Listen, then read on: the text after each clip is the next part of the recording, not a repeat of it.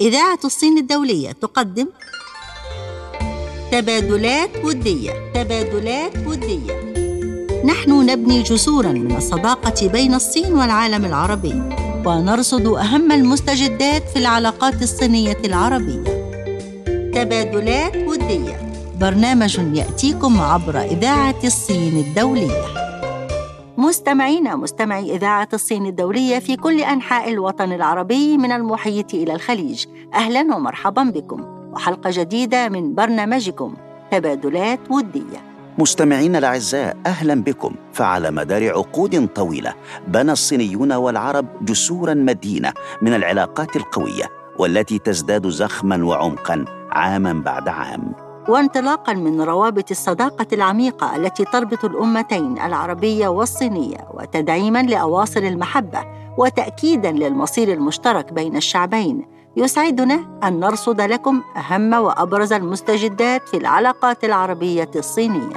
ومن خلال برنامجكم تبادلات ودية نركز على جهود تعزيز الصداقة بين شعوبنا ودفع العلاقات الودية الراسخة بين الجانبين قدما. وانطلاقا من الثقافة والحضارة العريقتين للأمتين الصينية والعربية. تبادلات ودية. برنامج يقدمه لكم وفاء ناجي. وحسن الشاذلي يسعدنا في البداية أن نستعرض معكم سريعا فقرات حلقة اليوم من برنامج تبادلات ودية والتي نقدم من خلالها. شركة البتروكيماويات الصينية سينوبك تسلم المجموعة الأخيرة من أبراج تكرير النفط ضمن مشروع مصفاة الزور في دولة الكويت. المملكة الأردنية الهاشمية شاركت كضيف شرف في معرض الصين الدولي للواردات بمدينة شنغهاي. حملة الصين الجميلة تروج السياحة الآسيوية في دبي بالإمارات العربية المتحدة. افتتاح شركة صينية لإنتاج أعلاف الأسماك في جمهورية مصر العربية. إقامة حفل ختام الدورة الدراسية الثامنة للمسؤولين العرب بمركز الدراسات الصيني العربي للإصلاح والتنمية بجامعة شنغهاي الصينية. للدراسات الدولية.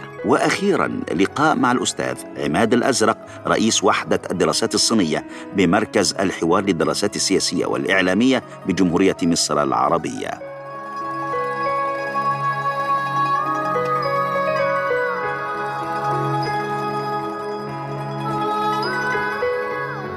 متابعينا الكرام مستمعي إذاعة الصين الدولية في كل أنحاء الوطن العربي.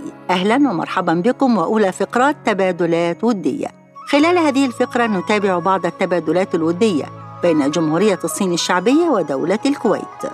شركة البتروكيماويات الصينية سينوبيك سلمت المجموعة السادسة والأخيرة من أبراج تصريف وتكرير النفط بالإضافة إلى تسليمها مرافق مساندة لها ضمن مشروع مصفاة الزور الكويتية. كما قامت الشركة الخامسة لمجموعة سينوبيك الصينية بتسليم المجموعة الأخيرة من تلك الوحدات إلى الجانب الكويتي بجودة عالية وقبل أربعين يوما من الموعد المحدد في العقد. وجرت مراسم التسليم في موقع المشروع بمنطقة الزور الكويتية على بعد 90 كيلومتر جنوبي مدينة الكويت عاصمة دولة الكويت. وشارك في المراسم مسؤولون صينيون وممثلون عن الجانب الكويتي وأكثر من 500 عامل صيني وأجنبي بالشركة الصينية. وشاركت مجموعة سينوبيك الصينية في بناء مصفاة الزور التي تعد حاليا أكبر مصفاة في منطقة الشرق الأوسط مع تركيب ست مجموعات من معدات تصريف وتكرير النفط. وقال المستشار الاقتصادي والتجاري بالسفارة الصينية لدى دولة الكويت خلال مراسم التسليم إن هذا المشروع يعد نموذجا للتعاون الدولي وخاصة بين الجانبين الصيني والكويتي. وذلك بعد إدراج مبادرة الحزام والطريق الصينية مع رؤية الكويت 2035 التي تهدف إلى تحويل البلاد إلى مركز مالي وتجاري وإقليمي وعالمي. وأعرب تشانغ عن أمله في استمرار التعاون بين الشركات الصينية بما فيها الشركة الخامسة لمجموعة سينوبيك الصينية والجانب الكويتي بهدف تحقيق المزيد من الإنجازات في المستقبل. وأشار أيضا أنه في نوفمبر عام 2016 قامت شركة البناء الخامسة لمجموعة سينوبيك بالمشاركة في بناء المشروع مشروع المصفاة التي تعتمد على التكنولوجيات العالية والجودة الفائقة والسرعة الصينية وذلك بقيمة بلغت 519 مليون دولار. ومن المتوقع أنه بعد اكتمال هذا المشروع ترتفع القدرة اليومية الكويتية لتكرير النفط بنسبة تبلغ حوالي 66% وذكر وانغ تساي مدير مشروع مصفاة الزول للشركة الخامسة لمجموعة سينوبك خلال مراسم التسليم أنه على مدار أكثر من 900 يوم قمنا بتثبيت أعمال الهياكل الفولاذية والقيام بأعمال لحام الأنابيب وتركيب عدد من المعدات والآلات ووضع 3700 كيلو متر من الكابلات. ولم يكن ذلك ليتحقق لولا روح الإصرار والمثابرة. من جميع الموظفين الصينيين والأجانب. وأكد وانغ أن أكثر من سبعة آلاف من الموظفين داخل الشركة تغلبوا على الصعوبات التي واجهتهم أثناء العمل وبذلوا ما في وسعهم للوفاء بالتزاماتهم للمشروع وقد نجحوا في ذلك بجودة عالية. ووصف وانغ ذلك بأنه معجزة حقيقية. من جانبه قال مصطفى عبد الحميد الصانع رئيس مجموعة المنافع الكويتية الممثل الكويتي بالمشروع إن الشركة الخامسة لمجموعة سينوبيك الصينية استطاعت إكمال المشروع الضخم بجودة عالية خلال الفترة القصيرة وهذا مثير للإعجاب. ونوه عبد الحميد في تصريح لوكالة أنباء الصين الجديدة شينخوا بما حققته الشركة الصينية من شهرة واسعة في قطاع النفط الكويتي وبهذه الإنجازات العظيمة التي قامت بها. الأمر الذي سيسهم بالتأكيد في قيام الشركة الصينية بتنفيذ مزيد من المشروعات في دولة الكويت في المستقبل. إلى هنا مستمعينا الأعزاء انتهت هذه الفقرة من تبادلات ودية. فاصل قصير نعود بعده لنكمل باقي فقرتنا فانتظرونا.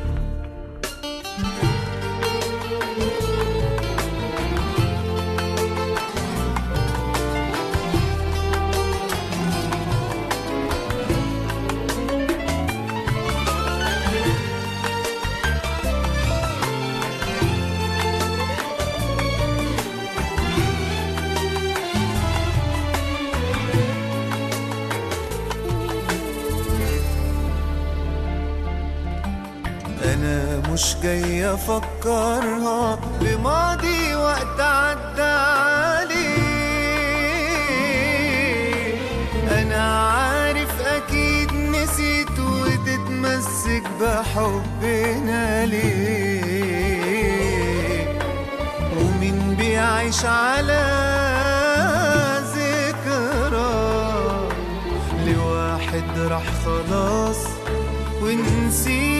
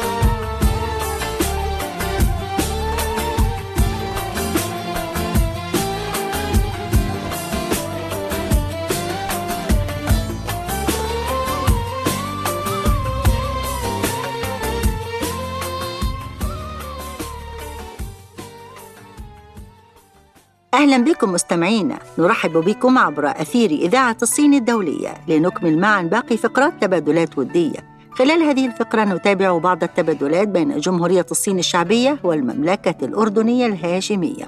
المملكة الأردنية الهاشمية شاركت كضيف شرف في معرض الصين الدولي للواردات بمدينة شنغهاي الصينية. تعد المملكة الأردنية الهاشمية واحدة من 15 دولة شاركت كضيف شرف في معرض الصين الدولي للواردات. وبناء على ذلك حصل الأردن على جناح مجاني لعرض عينات لنحو 12 شركة أردنية وتذاكر سفر إلى الصين. وشارك بالدورة الثانية لمعرض الصين الواردات 170 دولة ومنظمة دولية وأكثر من ثلاثة آلاف عارض على مساحة 330 ألف متر مربع. وأكد سفير جمهورية الصين الشعبية لدى المملكة الأردنية الهاشمية السيد بان واي فينغ أن دعوة المملكة الأردنية الهاشمية للمشاركة في الدورة الثانية لمعرض الصين الدولي للواردات كضيف شرف تأتي لتعزيز علاقة الشراكة الاستراتيجية الشاملة بين البلدين وتنمية العلاقات التجارية. وأعرب فانغ عن ثقته في أن أكبر عدد من الشركات الأردنية قد اغتنم هذه الفرصة لعرض منتجات الأردن المميزة ليس فقط للسوق الصيني بل لكل الأسواق العالمية المشاركة في هذا المعرض. وأكد سفير جمهورية الصين الشعبية لدى الأردن أن السوق الصيني فتح أبوابه أمام المنتجات الأردنية المميزة والمنافسة. وأشار فانج أن جمهورية الصين الشعبية ستقوم خلال السنوات الخمس المقبلة بالاستيراد بقيمة 10 تريليونات دولار من السلع والخدمات. من جانبه أكد رئيس غرفة صناعة الأردن على أهمية مشاركة بلاده في هذا المعرض لاكتشاف فرص تصدير المنتجات الأردنية إلى السوق الصينية حيث شاركت الغرفة في جناح خاص بالصناعات الأردنية وأن بعض المنتجات الأردنية قد بدأت بدخول السوق الصينية بالفعل ومنها الصناعات الكيماوية والأسمدة ومنتجات البحر الميت. قال فتحي الجغبير خلال المؤتمر الصحفي إن العلاقات الاقتصادية بين الصين والأردن شهدت قفزة حقيقية وأكد اهتمام الأردن بالاستفادة من الخبرات الصينية في القطاع الصناعي وتطبيقها. كما دعا الجغبير الشركات الصينية إلى الاستفادة من فرص الاستثمار في الأردن حيث تمتلك الأردن مناخا صالحا وجيدا للاستثمار. وأوضح أنه على الجانب الأردني تشجيع الجانب الصيني على اغتنام هذه الفرصة. وأشار الجغبير أن السوق الأردني يوفر فرصا للدخول إلى سوق استهلاكية كبيرة في المنطقة كما أشار إلى أن غرفة صناعة الأردن وعمان استضافت منتدى أردني الصيني لتعزيز الشراكة بين البلدين في مبنى الغرفة.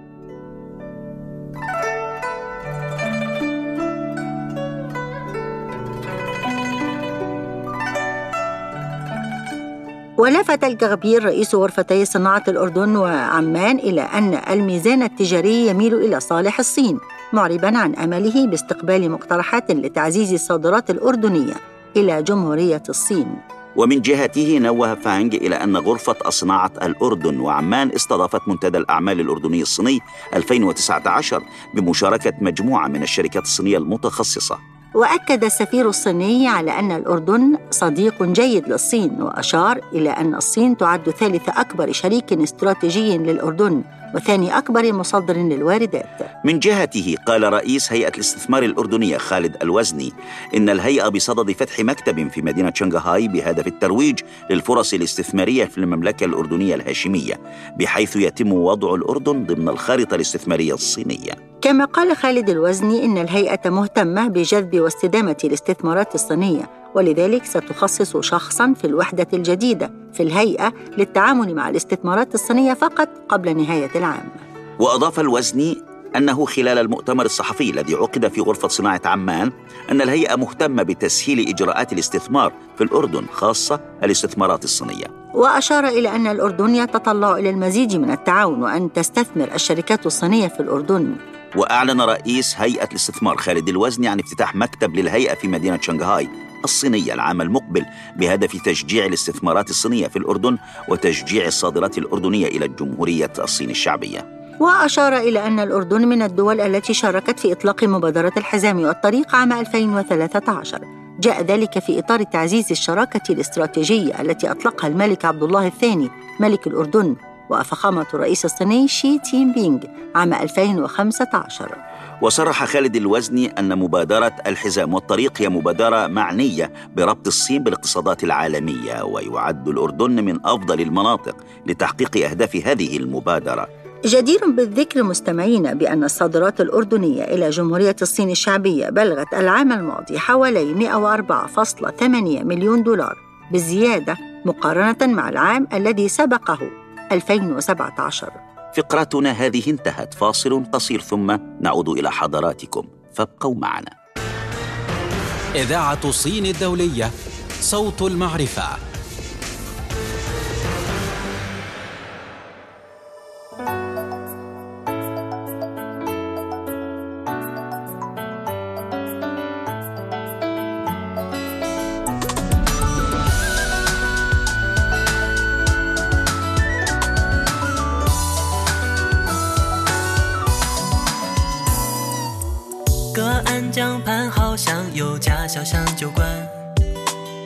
门庭若市，却还一直破落不堪。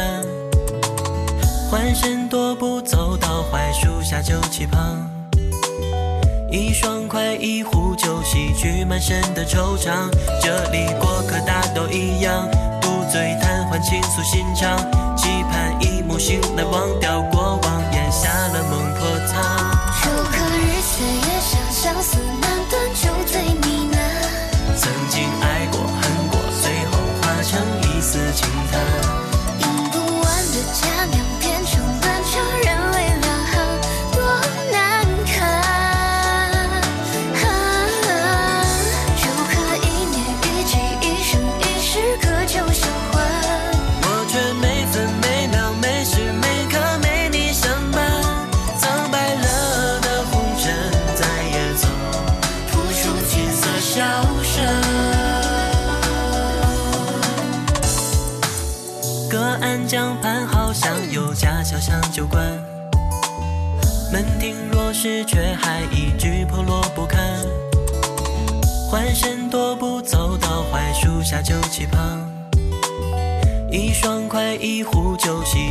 深的惆怅。这里过客大都一样，独醉贪欢，倾诉心肠，期盼一梦醒来，忘掉过往，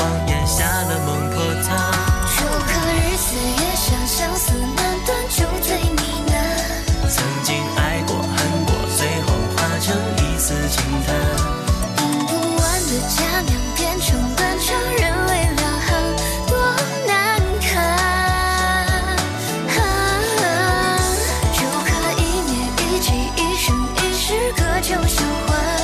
我却每分每秒每时每刻没你相伴，苍白了的红尘再也走不出琴瑟箫声。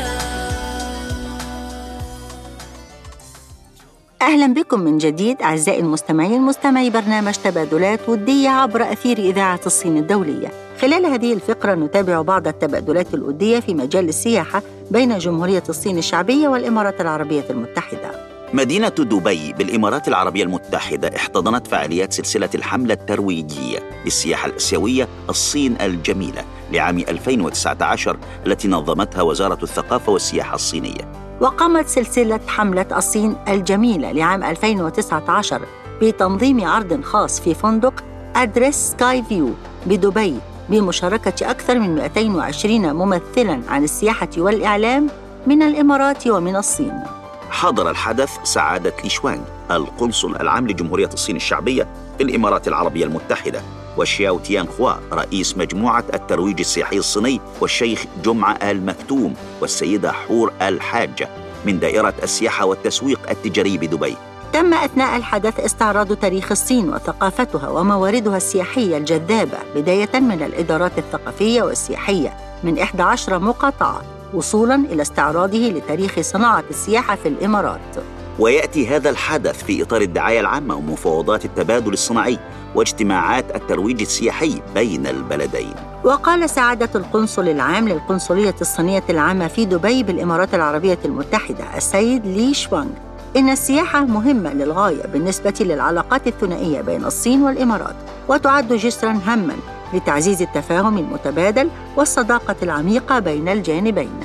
كما أن السياحة تعد حافزا للتعاون العملي في المجالات الأخرى إضافة إلى أنها جزء مهم من الأهداف أهداف مبادرة الحزام والطريق. وأشار القنصل العام لي شوانغ أنه تم تعزيز مجالات الثقافة والسياحة بين البلدين بشكل كبير وذلك في ظل التطور المستمر للشراكة الاستراتيجية الشاملة بين الصين والإمارات. كما لفت لي شوانغ أنه من خلال تطبيق سياسة الصين والإمارات للإعفاء من التأشيرات أصبحت دبي واحدة من أكثر الوجهات السياحية الخارجية شعبية للمواطنين الصينيين. وقد عززت أنشطة حملة الصين الجميلة للترويج السياحي الصيني في دبي التعاون العملي بين الصين والإمارات وعمقت الصداقة بين البلدين. ومن المتوقع أن تستفيد صناعة السياحة في كلا البلدين من الفترة الذهبية للعلاقات بين الصين والإمارات وأن تدفع البلدين لتحقيق المزيد من النتائج الجديدة في إطار دعم وتطبيق مبادرة الحزام والطريق. من ناحية أخرى لفت شياو تيان هوا رئيس مجموعة الترويج السياحي الصيني إلى خطاب الرئيس الصيني شي جين بينغ في حفل افتتاح مؤتمر حوار الحضارات الآسيوية في الخامس عشر من مايو الجاري.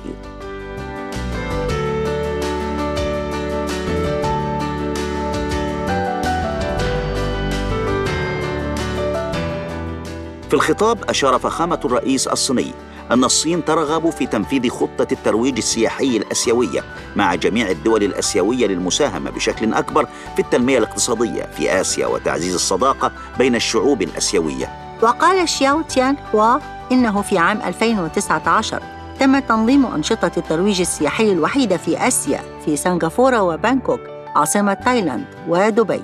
وأن كل هذه الجهود تعكس تركيز الصين على دعم تطوير العلاقات السياحية مع الدول العربية. ولفت أنه مع التطور المستمر والسريع للسياحة أصبحت الصين الآن ليس فقط أكبر سوق سياحي خارجي في العالم وأكبر سوق سياحي محلي ولكن أيضا رابع أكبر بلد لاستقبال السياح الوافدين في العالم.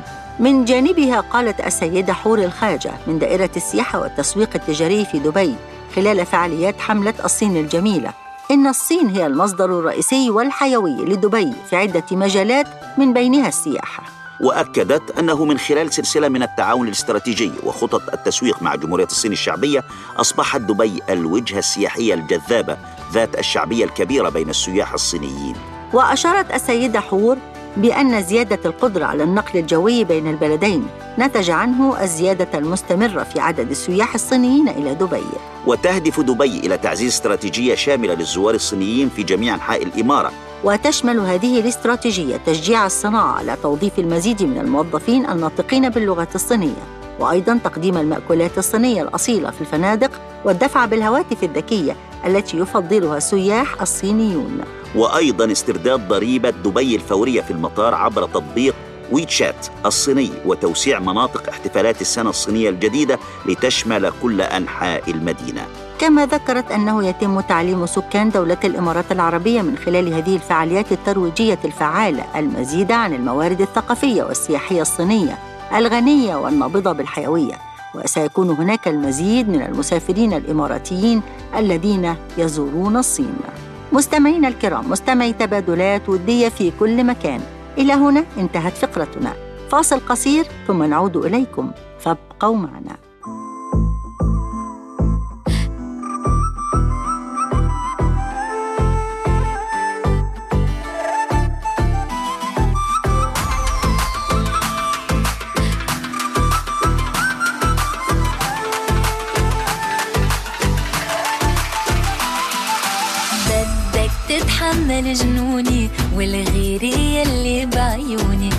تبقى رسم كتير لما تكون من دوني. فيك تسلم على البنات بس ما توزع ابتسامات.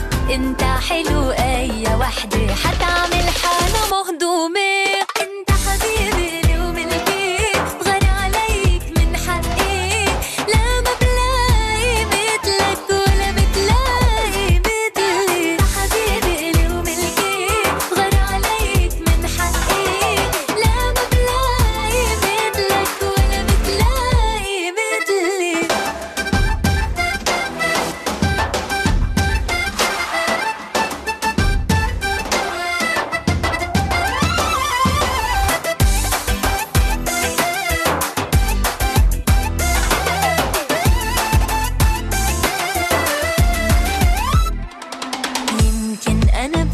شوي. عاشية بتبقى عادية أفكار بتجي وبصير بحالي مش طبيعية فيك تسلم على البنات بس ما توزع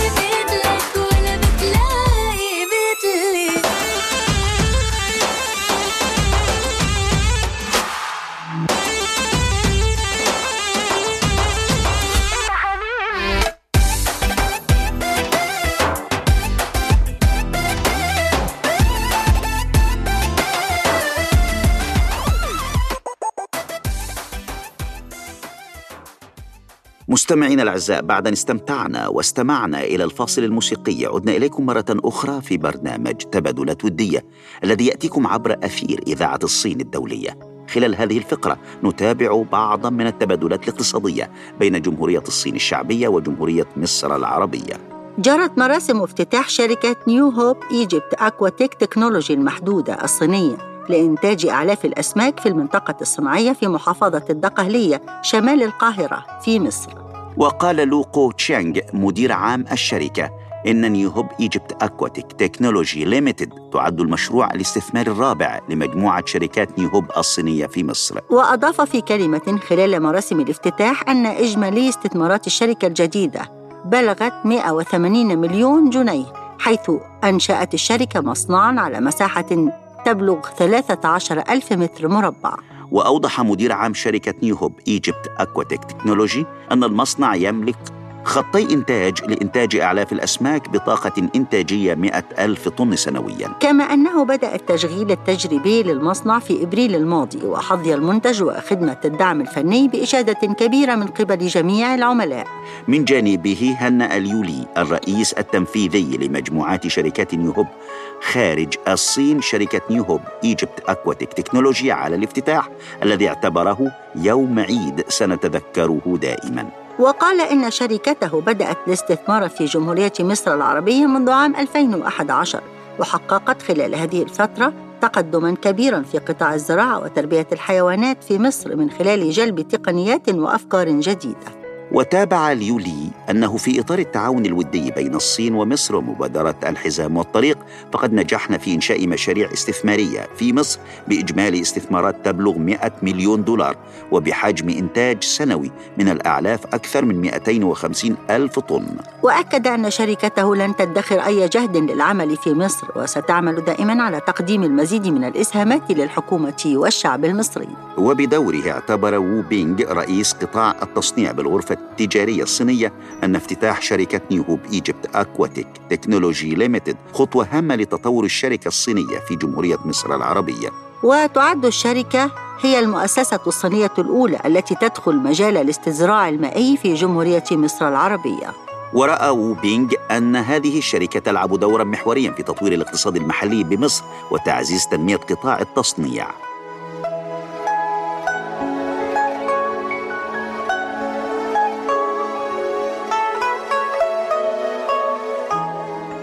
كما أوضح أن مجموعة شركات نيو هوب الصينية تملك خمسة مصانع في محافظات جمهورية مصر العربية حيث يبلغ حجم المبيعات السنوية من الأعلاف 250 ألف طن بقيمة إنتاجية سنوية تصل إلى ملياري وثلاثمائة مليون جنيه مصري. وأشار وو بينغ رئيس قطاع التصنيع بالغرفة التجارية الصينية إلى أن هذه المصانع تمكنت من توفير أكثر من 600 فرصة عمل مباشرة وما يزيد عن 3000 وظيفة بشكل غير مباشر في مصر. فيما وصف أحمد محمود مدير الجهاز التنفيذي لمنطقة جمصة الصناعية بجمهورية مصر العربية المصنع الجديد لإنتاج أعلاف الأسماك بأنه مشروع متفرد ومميز جداً. وقال محمود لوكالة أنباء الصين الجديدة شينخوا أننا بحاجة لإنشاء مثل هذه المصانع فهذا المصنع يوفر أعلافا مطابقة للمواصفات التي تؤدي إلى إنتاج أسماك جيدة وصالحة. وأعرب محمود عن أمله في وجود مصانع كثيرة من هذا النوع لتغطية احتياجات المزارع السمكية الموجودة بجمهورية مصر العربية. وختم محمود قائلا إنه تم تدعيم هذا المصنع من خلال توصيل المرافق وأعرب عن تفاؤله بوجود هذا المصنع في المنطقة الصناعية المصرية بجمصة. بينما وصف سالم متولي وهو أحد عملاء المصنع الجديد جودة الأعلاف التي ينتجها المصنع بأنها مميزة. وتعاقد متولي على شراء 1500 طن أعلاف من المصنع منذ أول إبريل الماضي وحتى اليوم. وأوضح متولي أن أعلاف المصنع الصيني تعطي إنتاجية أعلى في الأسماك. لذلك فإن المصنع يحظى بإقبال كبير من قبل أصحاب المزارع السمكية مقارنة بالشركات العاملة منذ سنوات في السوق. وتوفر الشركة الصينية أيضا الدعم الفني لأصحاب المزارع السمكية من خلال زيارات ميدانية للمزارع لفحص الأسماك. مستمعينا الأعزاء تهتم جمهورية الصين الشعبية اهتماما كبيرا بالتبادلات الاقتصادية مع جمهورية مصر العربية في كل المجالات. وأن الصين في الواقع تضع مصر على رأس الجهات التي تتدفق إليها استثماراتها مستفيدة بمناخ جاذب وفرته مصر من خلال تعزيز العديد من التسهيلات والأنشطة الحيوية. انتهت هذه الفقرة. فاصل موسيقي قصير نواصل من بعده باقي فقرات برنامج تبادلات ودية. فابقوا معنا.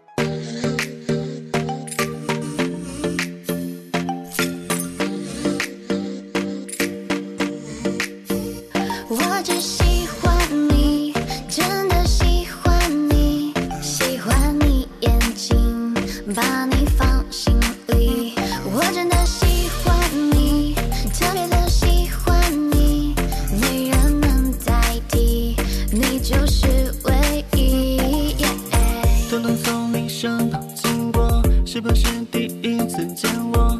留下什么印象对我？是不是特别的不错？你突然回头再看我，心脏不停砰砰跳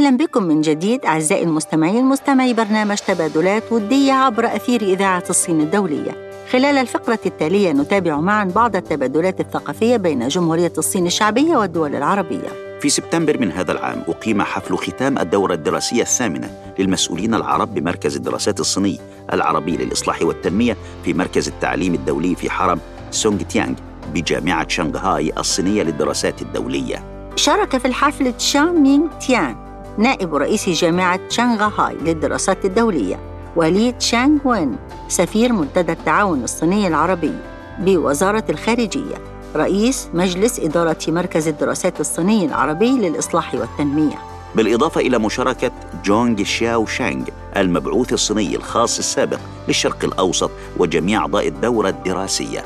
في بداية الحفل تحدث كل مشارك في الحفل الختامي عن مشاعره خلال المشاركة في الدورة الدراسية وطرح الاقتراحات والأفكار المتعلقة بعمل الدورة الدراسية واستمتعوا بعزف الآلات الموسيقية الصينية التقليدية.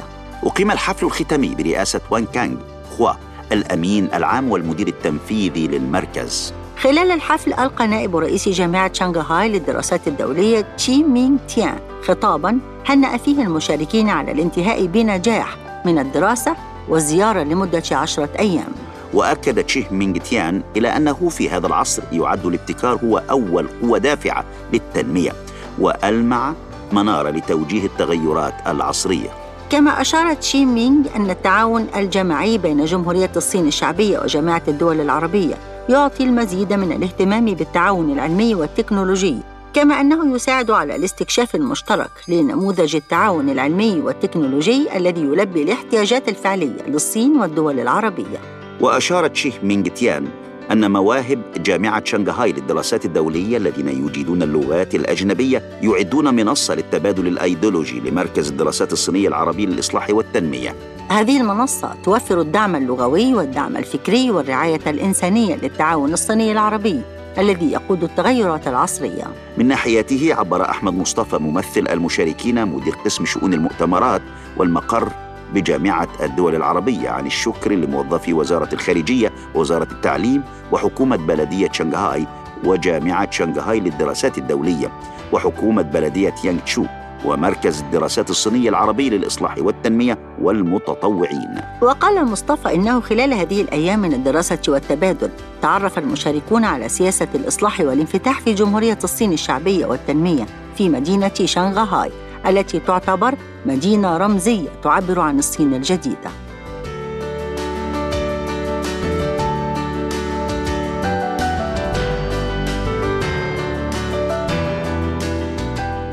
كما تعرف المشاركون على سياسة الصين الخارجية القائمة على الاحترام والمساواة والوضع الراهن والآفاق الواسعة للعلاقات الصينية العربية في إطار الحزام والطريق. أشار مصطفى إلى أن الأمانة العامة لجامعة الدول العربية تعمل جاهدة لتقديم التجربة الصينية إلى الدول العربية. كما تشجع على الاستفادة الكاملة من هذه التجربة. ومن جانبه قدم السفير لي تشانغون خلال الحفل تهنئته للمشاركين على الانتهاء بنجاح من الدورة الدراسية وعبر عن الامتنان لجامعة شنغهاي للدراسات الدولية ومركز الدراسات الصينية العربي للإصلاح والتنمية على عملهم الجاد في تنظيم هذه الدورة.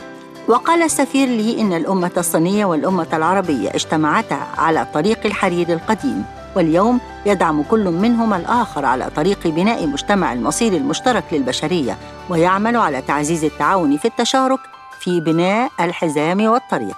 وأشار لي إلى أنه للعلاقات الودية الصينية العربية آفاق واسعة للتنمية وأيضا إلى أن التبادلات الصينية العربية مثل برنامج الدورات الدراسية للمسؤولين العرب تساعد على فهم اهتمامات بعضنا البعض والعناية بشواغل بعضنا البعض أيضا بشأن الموضوعات ذات الصلة. وأخيرا قام نائب رئيس الجامعة تشي مينغ تيان والسفير لي تشانغ وون والسفير جونغ تشاو تشينغ بتوزيع شهادة الإنجاز للمشاركين وقدموا كتابا مترجما للعربية بعنوان مفاهيم جديدة وأفكار جديدة واستراتيجيات جديدة لحكم البلد للحكومة المركزية الحزبية. بالإضافة إلى تقديم الهدايا التذكارية للمشاركين. انتهت هذه الفقرة. فاصل ونعود إلى حضراتكم لنكمل باقي فقرات برنامج تبادلات ودية. فابقوا معنا.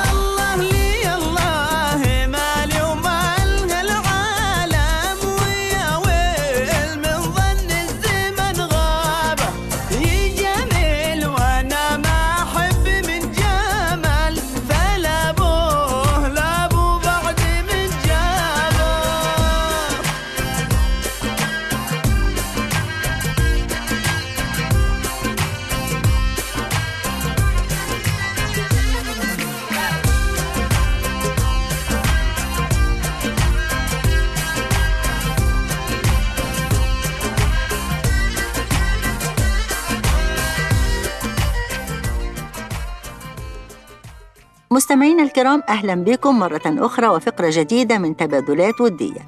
هذا البرنامج يأتيكم عبر أثير إذاعة الصين الدولية. خلال هذه الفقرة كان لنا لقاء مع الأستاذ عماد الأزرق رئيس وحدة الدراسات الصينية بمركز الحوار للدراسات السياسية والإعلامية. تناول فيه أهم المحطات خلال سبعين عاما مثمرة من عمر جمهورية الصين الشعبية. فقال بالتأكيد يعني جمهورية الصين الشعبية التي مر على آه، تأسيسها 70 عام آه، الموضوع كان أقصر من ذلك كان أقصر من 70 عاما بدأ مع تأسيس الحزب الشيوعي عام 1921 والذي خاض يعني حروب آه، طويلة خاصة حرب آه، التحرير التي خاضها ضد ال- الاستعمار الياباني ثم ضد حزب الكومنتانغ ولتأسيس وهذه الجمهورية العريقة.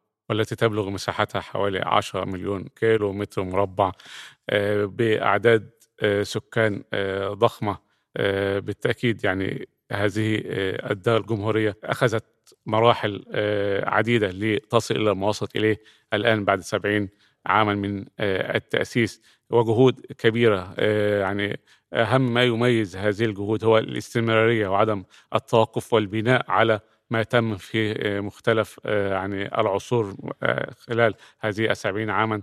وكما قال الزعيم دينغ شوبينغ ننقض ما قبل ولكن لا نهدمه بالكامل. وهذا هو سر استمرارية وسر نجاح النموذج الصيني أنه ينقض ما سابقه ولكنه لا يهدمه ولكنه يبني عليه ويحقق أو يقوم بتصحيح وتسويب السلبيات ويقوم باستغلال وتعظيم الإيجابيات التي تحققت. وظهرت خلال المرحلة سواء فيما يتعلق بقفزة كبرى للأمام وما حققته من آه، طفرة آه، صناعية وزراعية كبرى سواء فيما يتعلق بسياسة الانفتاح والإصلاح التي آه، التي حققها دينغ شوبينغ والتي صار على نهجه الكثير من الزعماء الذين تعاقبوا على آه، حكم الصين وصولا إلى شي جين بينغ وأعتقد أن الصين الآن وهي بعد في سبعين عاما من تأسيسها تخطو مراحل أو تخطو مرحلة هامة من تاريخها مرحلة هامة في آه، سياسة الإصلاح والانفتاح وهو الانفتاح السياسي والثقافي على آه، العالم. إذا كان آه، خلال الع- 40 عام الماضية حققت الصين انفتاحا اقتصاديا وتكنولوجيا فالآن الصين تبدأ مرحلة الانفتاح السياسي والثقافي على العالم وتحقيق أهداف المئوية الأولى التي تسعى الصين لتحقيقها في عام 2021 بالقضاء الكامل على آه، الفقر هناك وبإنجاز بناء مجتمع آه، الرفاهية آه، الشاملة والرغد العيش الرغيد في الصين. وهو هدف المئوي بمناسبة تأسيس مئوية تأسيس الحزب الشيوعي الصيني تمهيدا للمئوية الثانية وهي مئوية تأسيس الجمهورية الصينية الذي يقوم على تأسيس جمهورية أو تأسيس دولة الصين جمهورية اشتراكية قوية آه، تقوم على آه، العيش آه، الرغيد وتقوم على الديمقراطية الصينية. كل الشكر للأستاذ عماد الأزرق رئيس وحدة الدراسات الصينية بمركز الحوار للدراسات السياسية والإعلامية على هذه المعلومات القيمة. مستمعينا الكرام مستمعي إذاعة الصين الدولية إلى هنا نكون قد وصلنا إلى نهاية حلقة اليوم من برنامج تبادلات ودية. نتمنى أن نلقاكم على خير. انتظرونا دائما للتعرف معا على كل جديد في العلاقات الصينية العربية وأهم التبادلات بين الجانبين في شتى المجالات. نعدكم بالتطوير والتحديث المستمر بما يلبي طموحاتكم مستمعين الأعزاء في كل مكان. سعدنا بلقائكم وفي النهاية نحمل لكم تحيات فريق العمل. كان معكم حسن الشاذلي. وفاء ناجي. رئيس التحرير محمد غانم. فريق الإعداد. إيمان مجدي. نجلاء فتحي. وجرجس فوزي. وإخراج إيهاب حامد.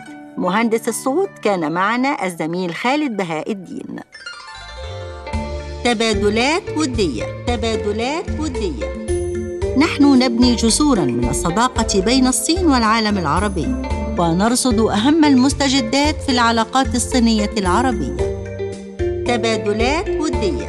برنامج يأتيكم عبر إذاعة الصين الدولية.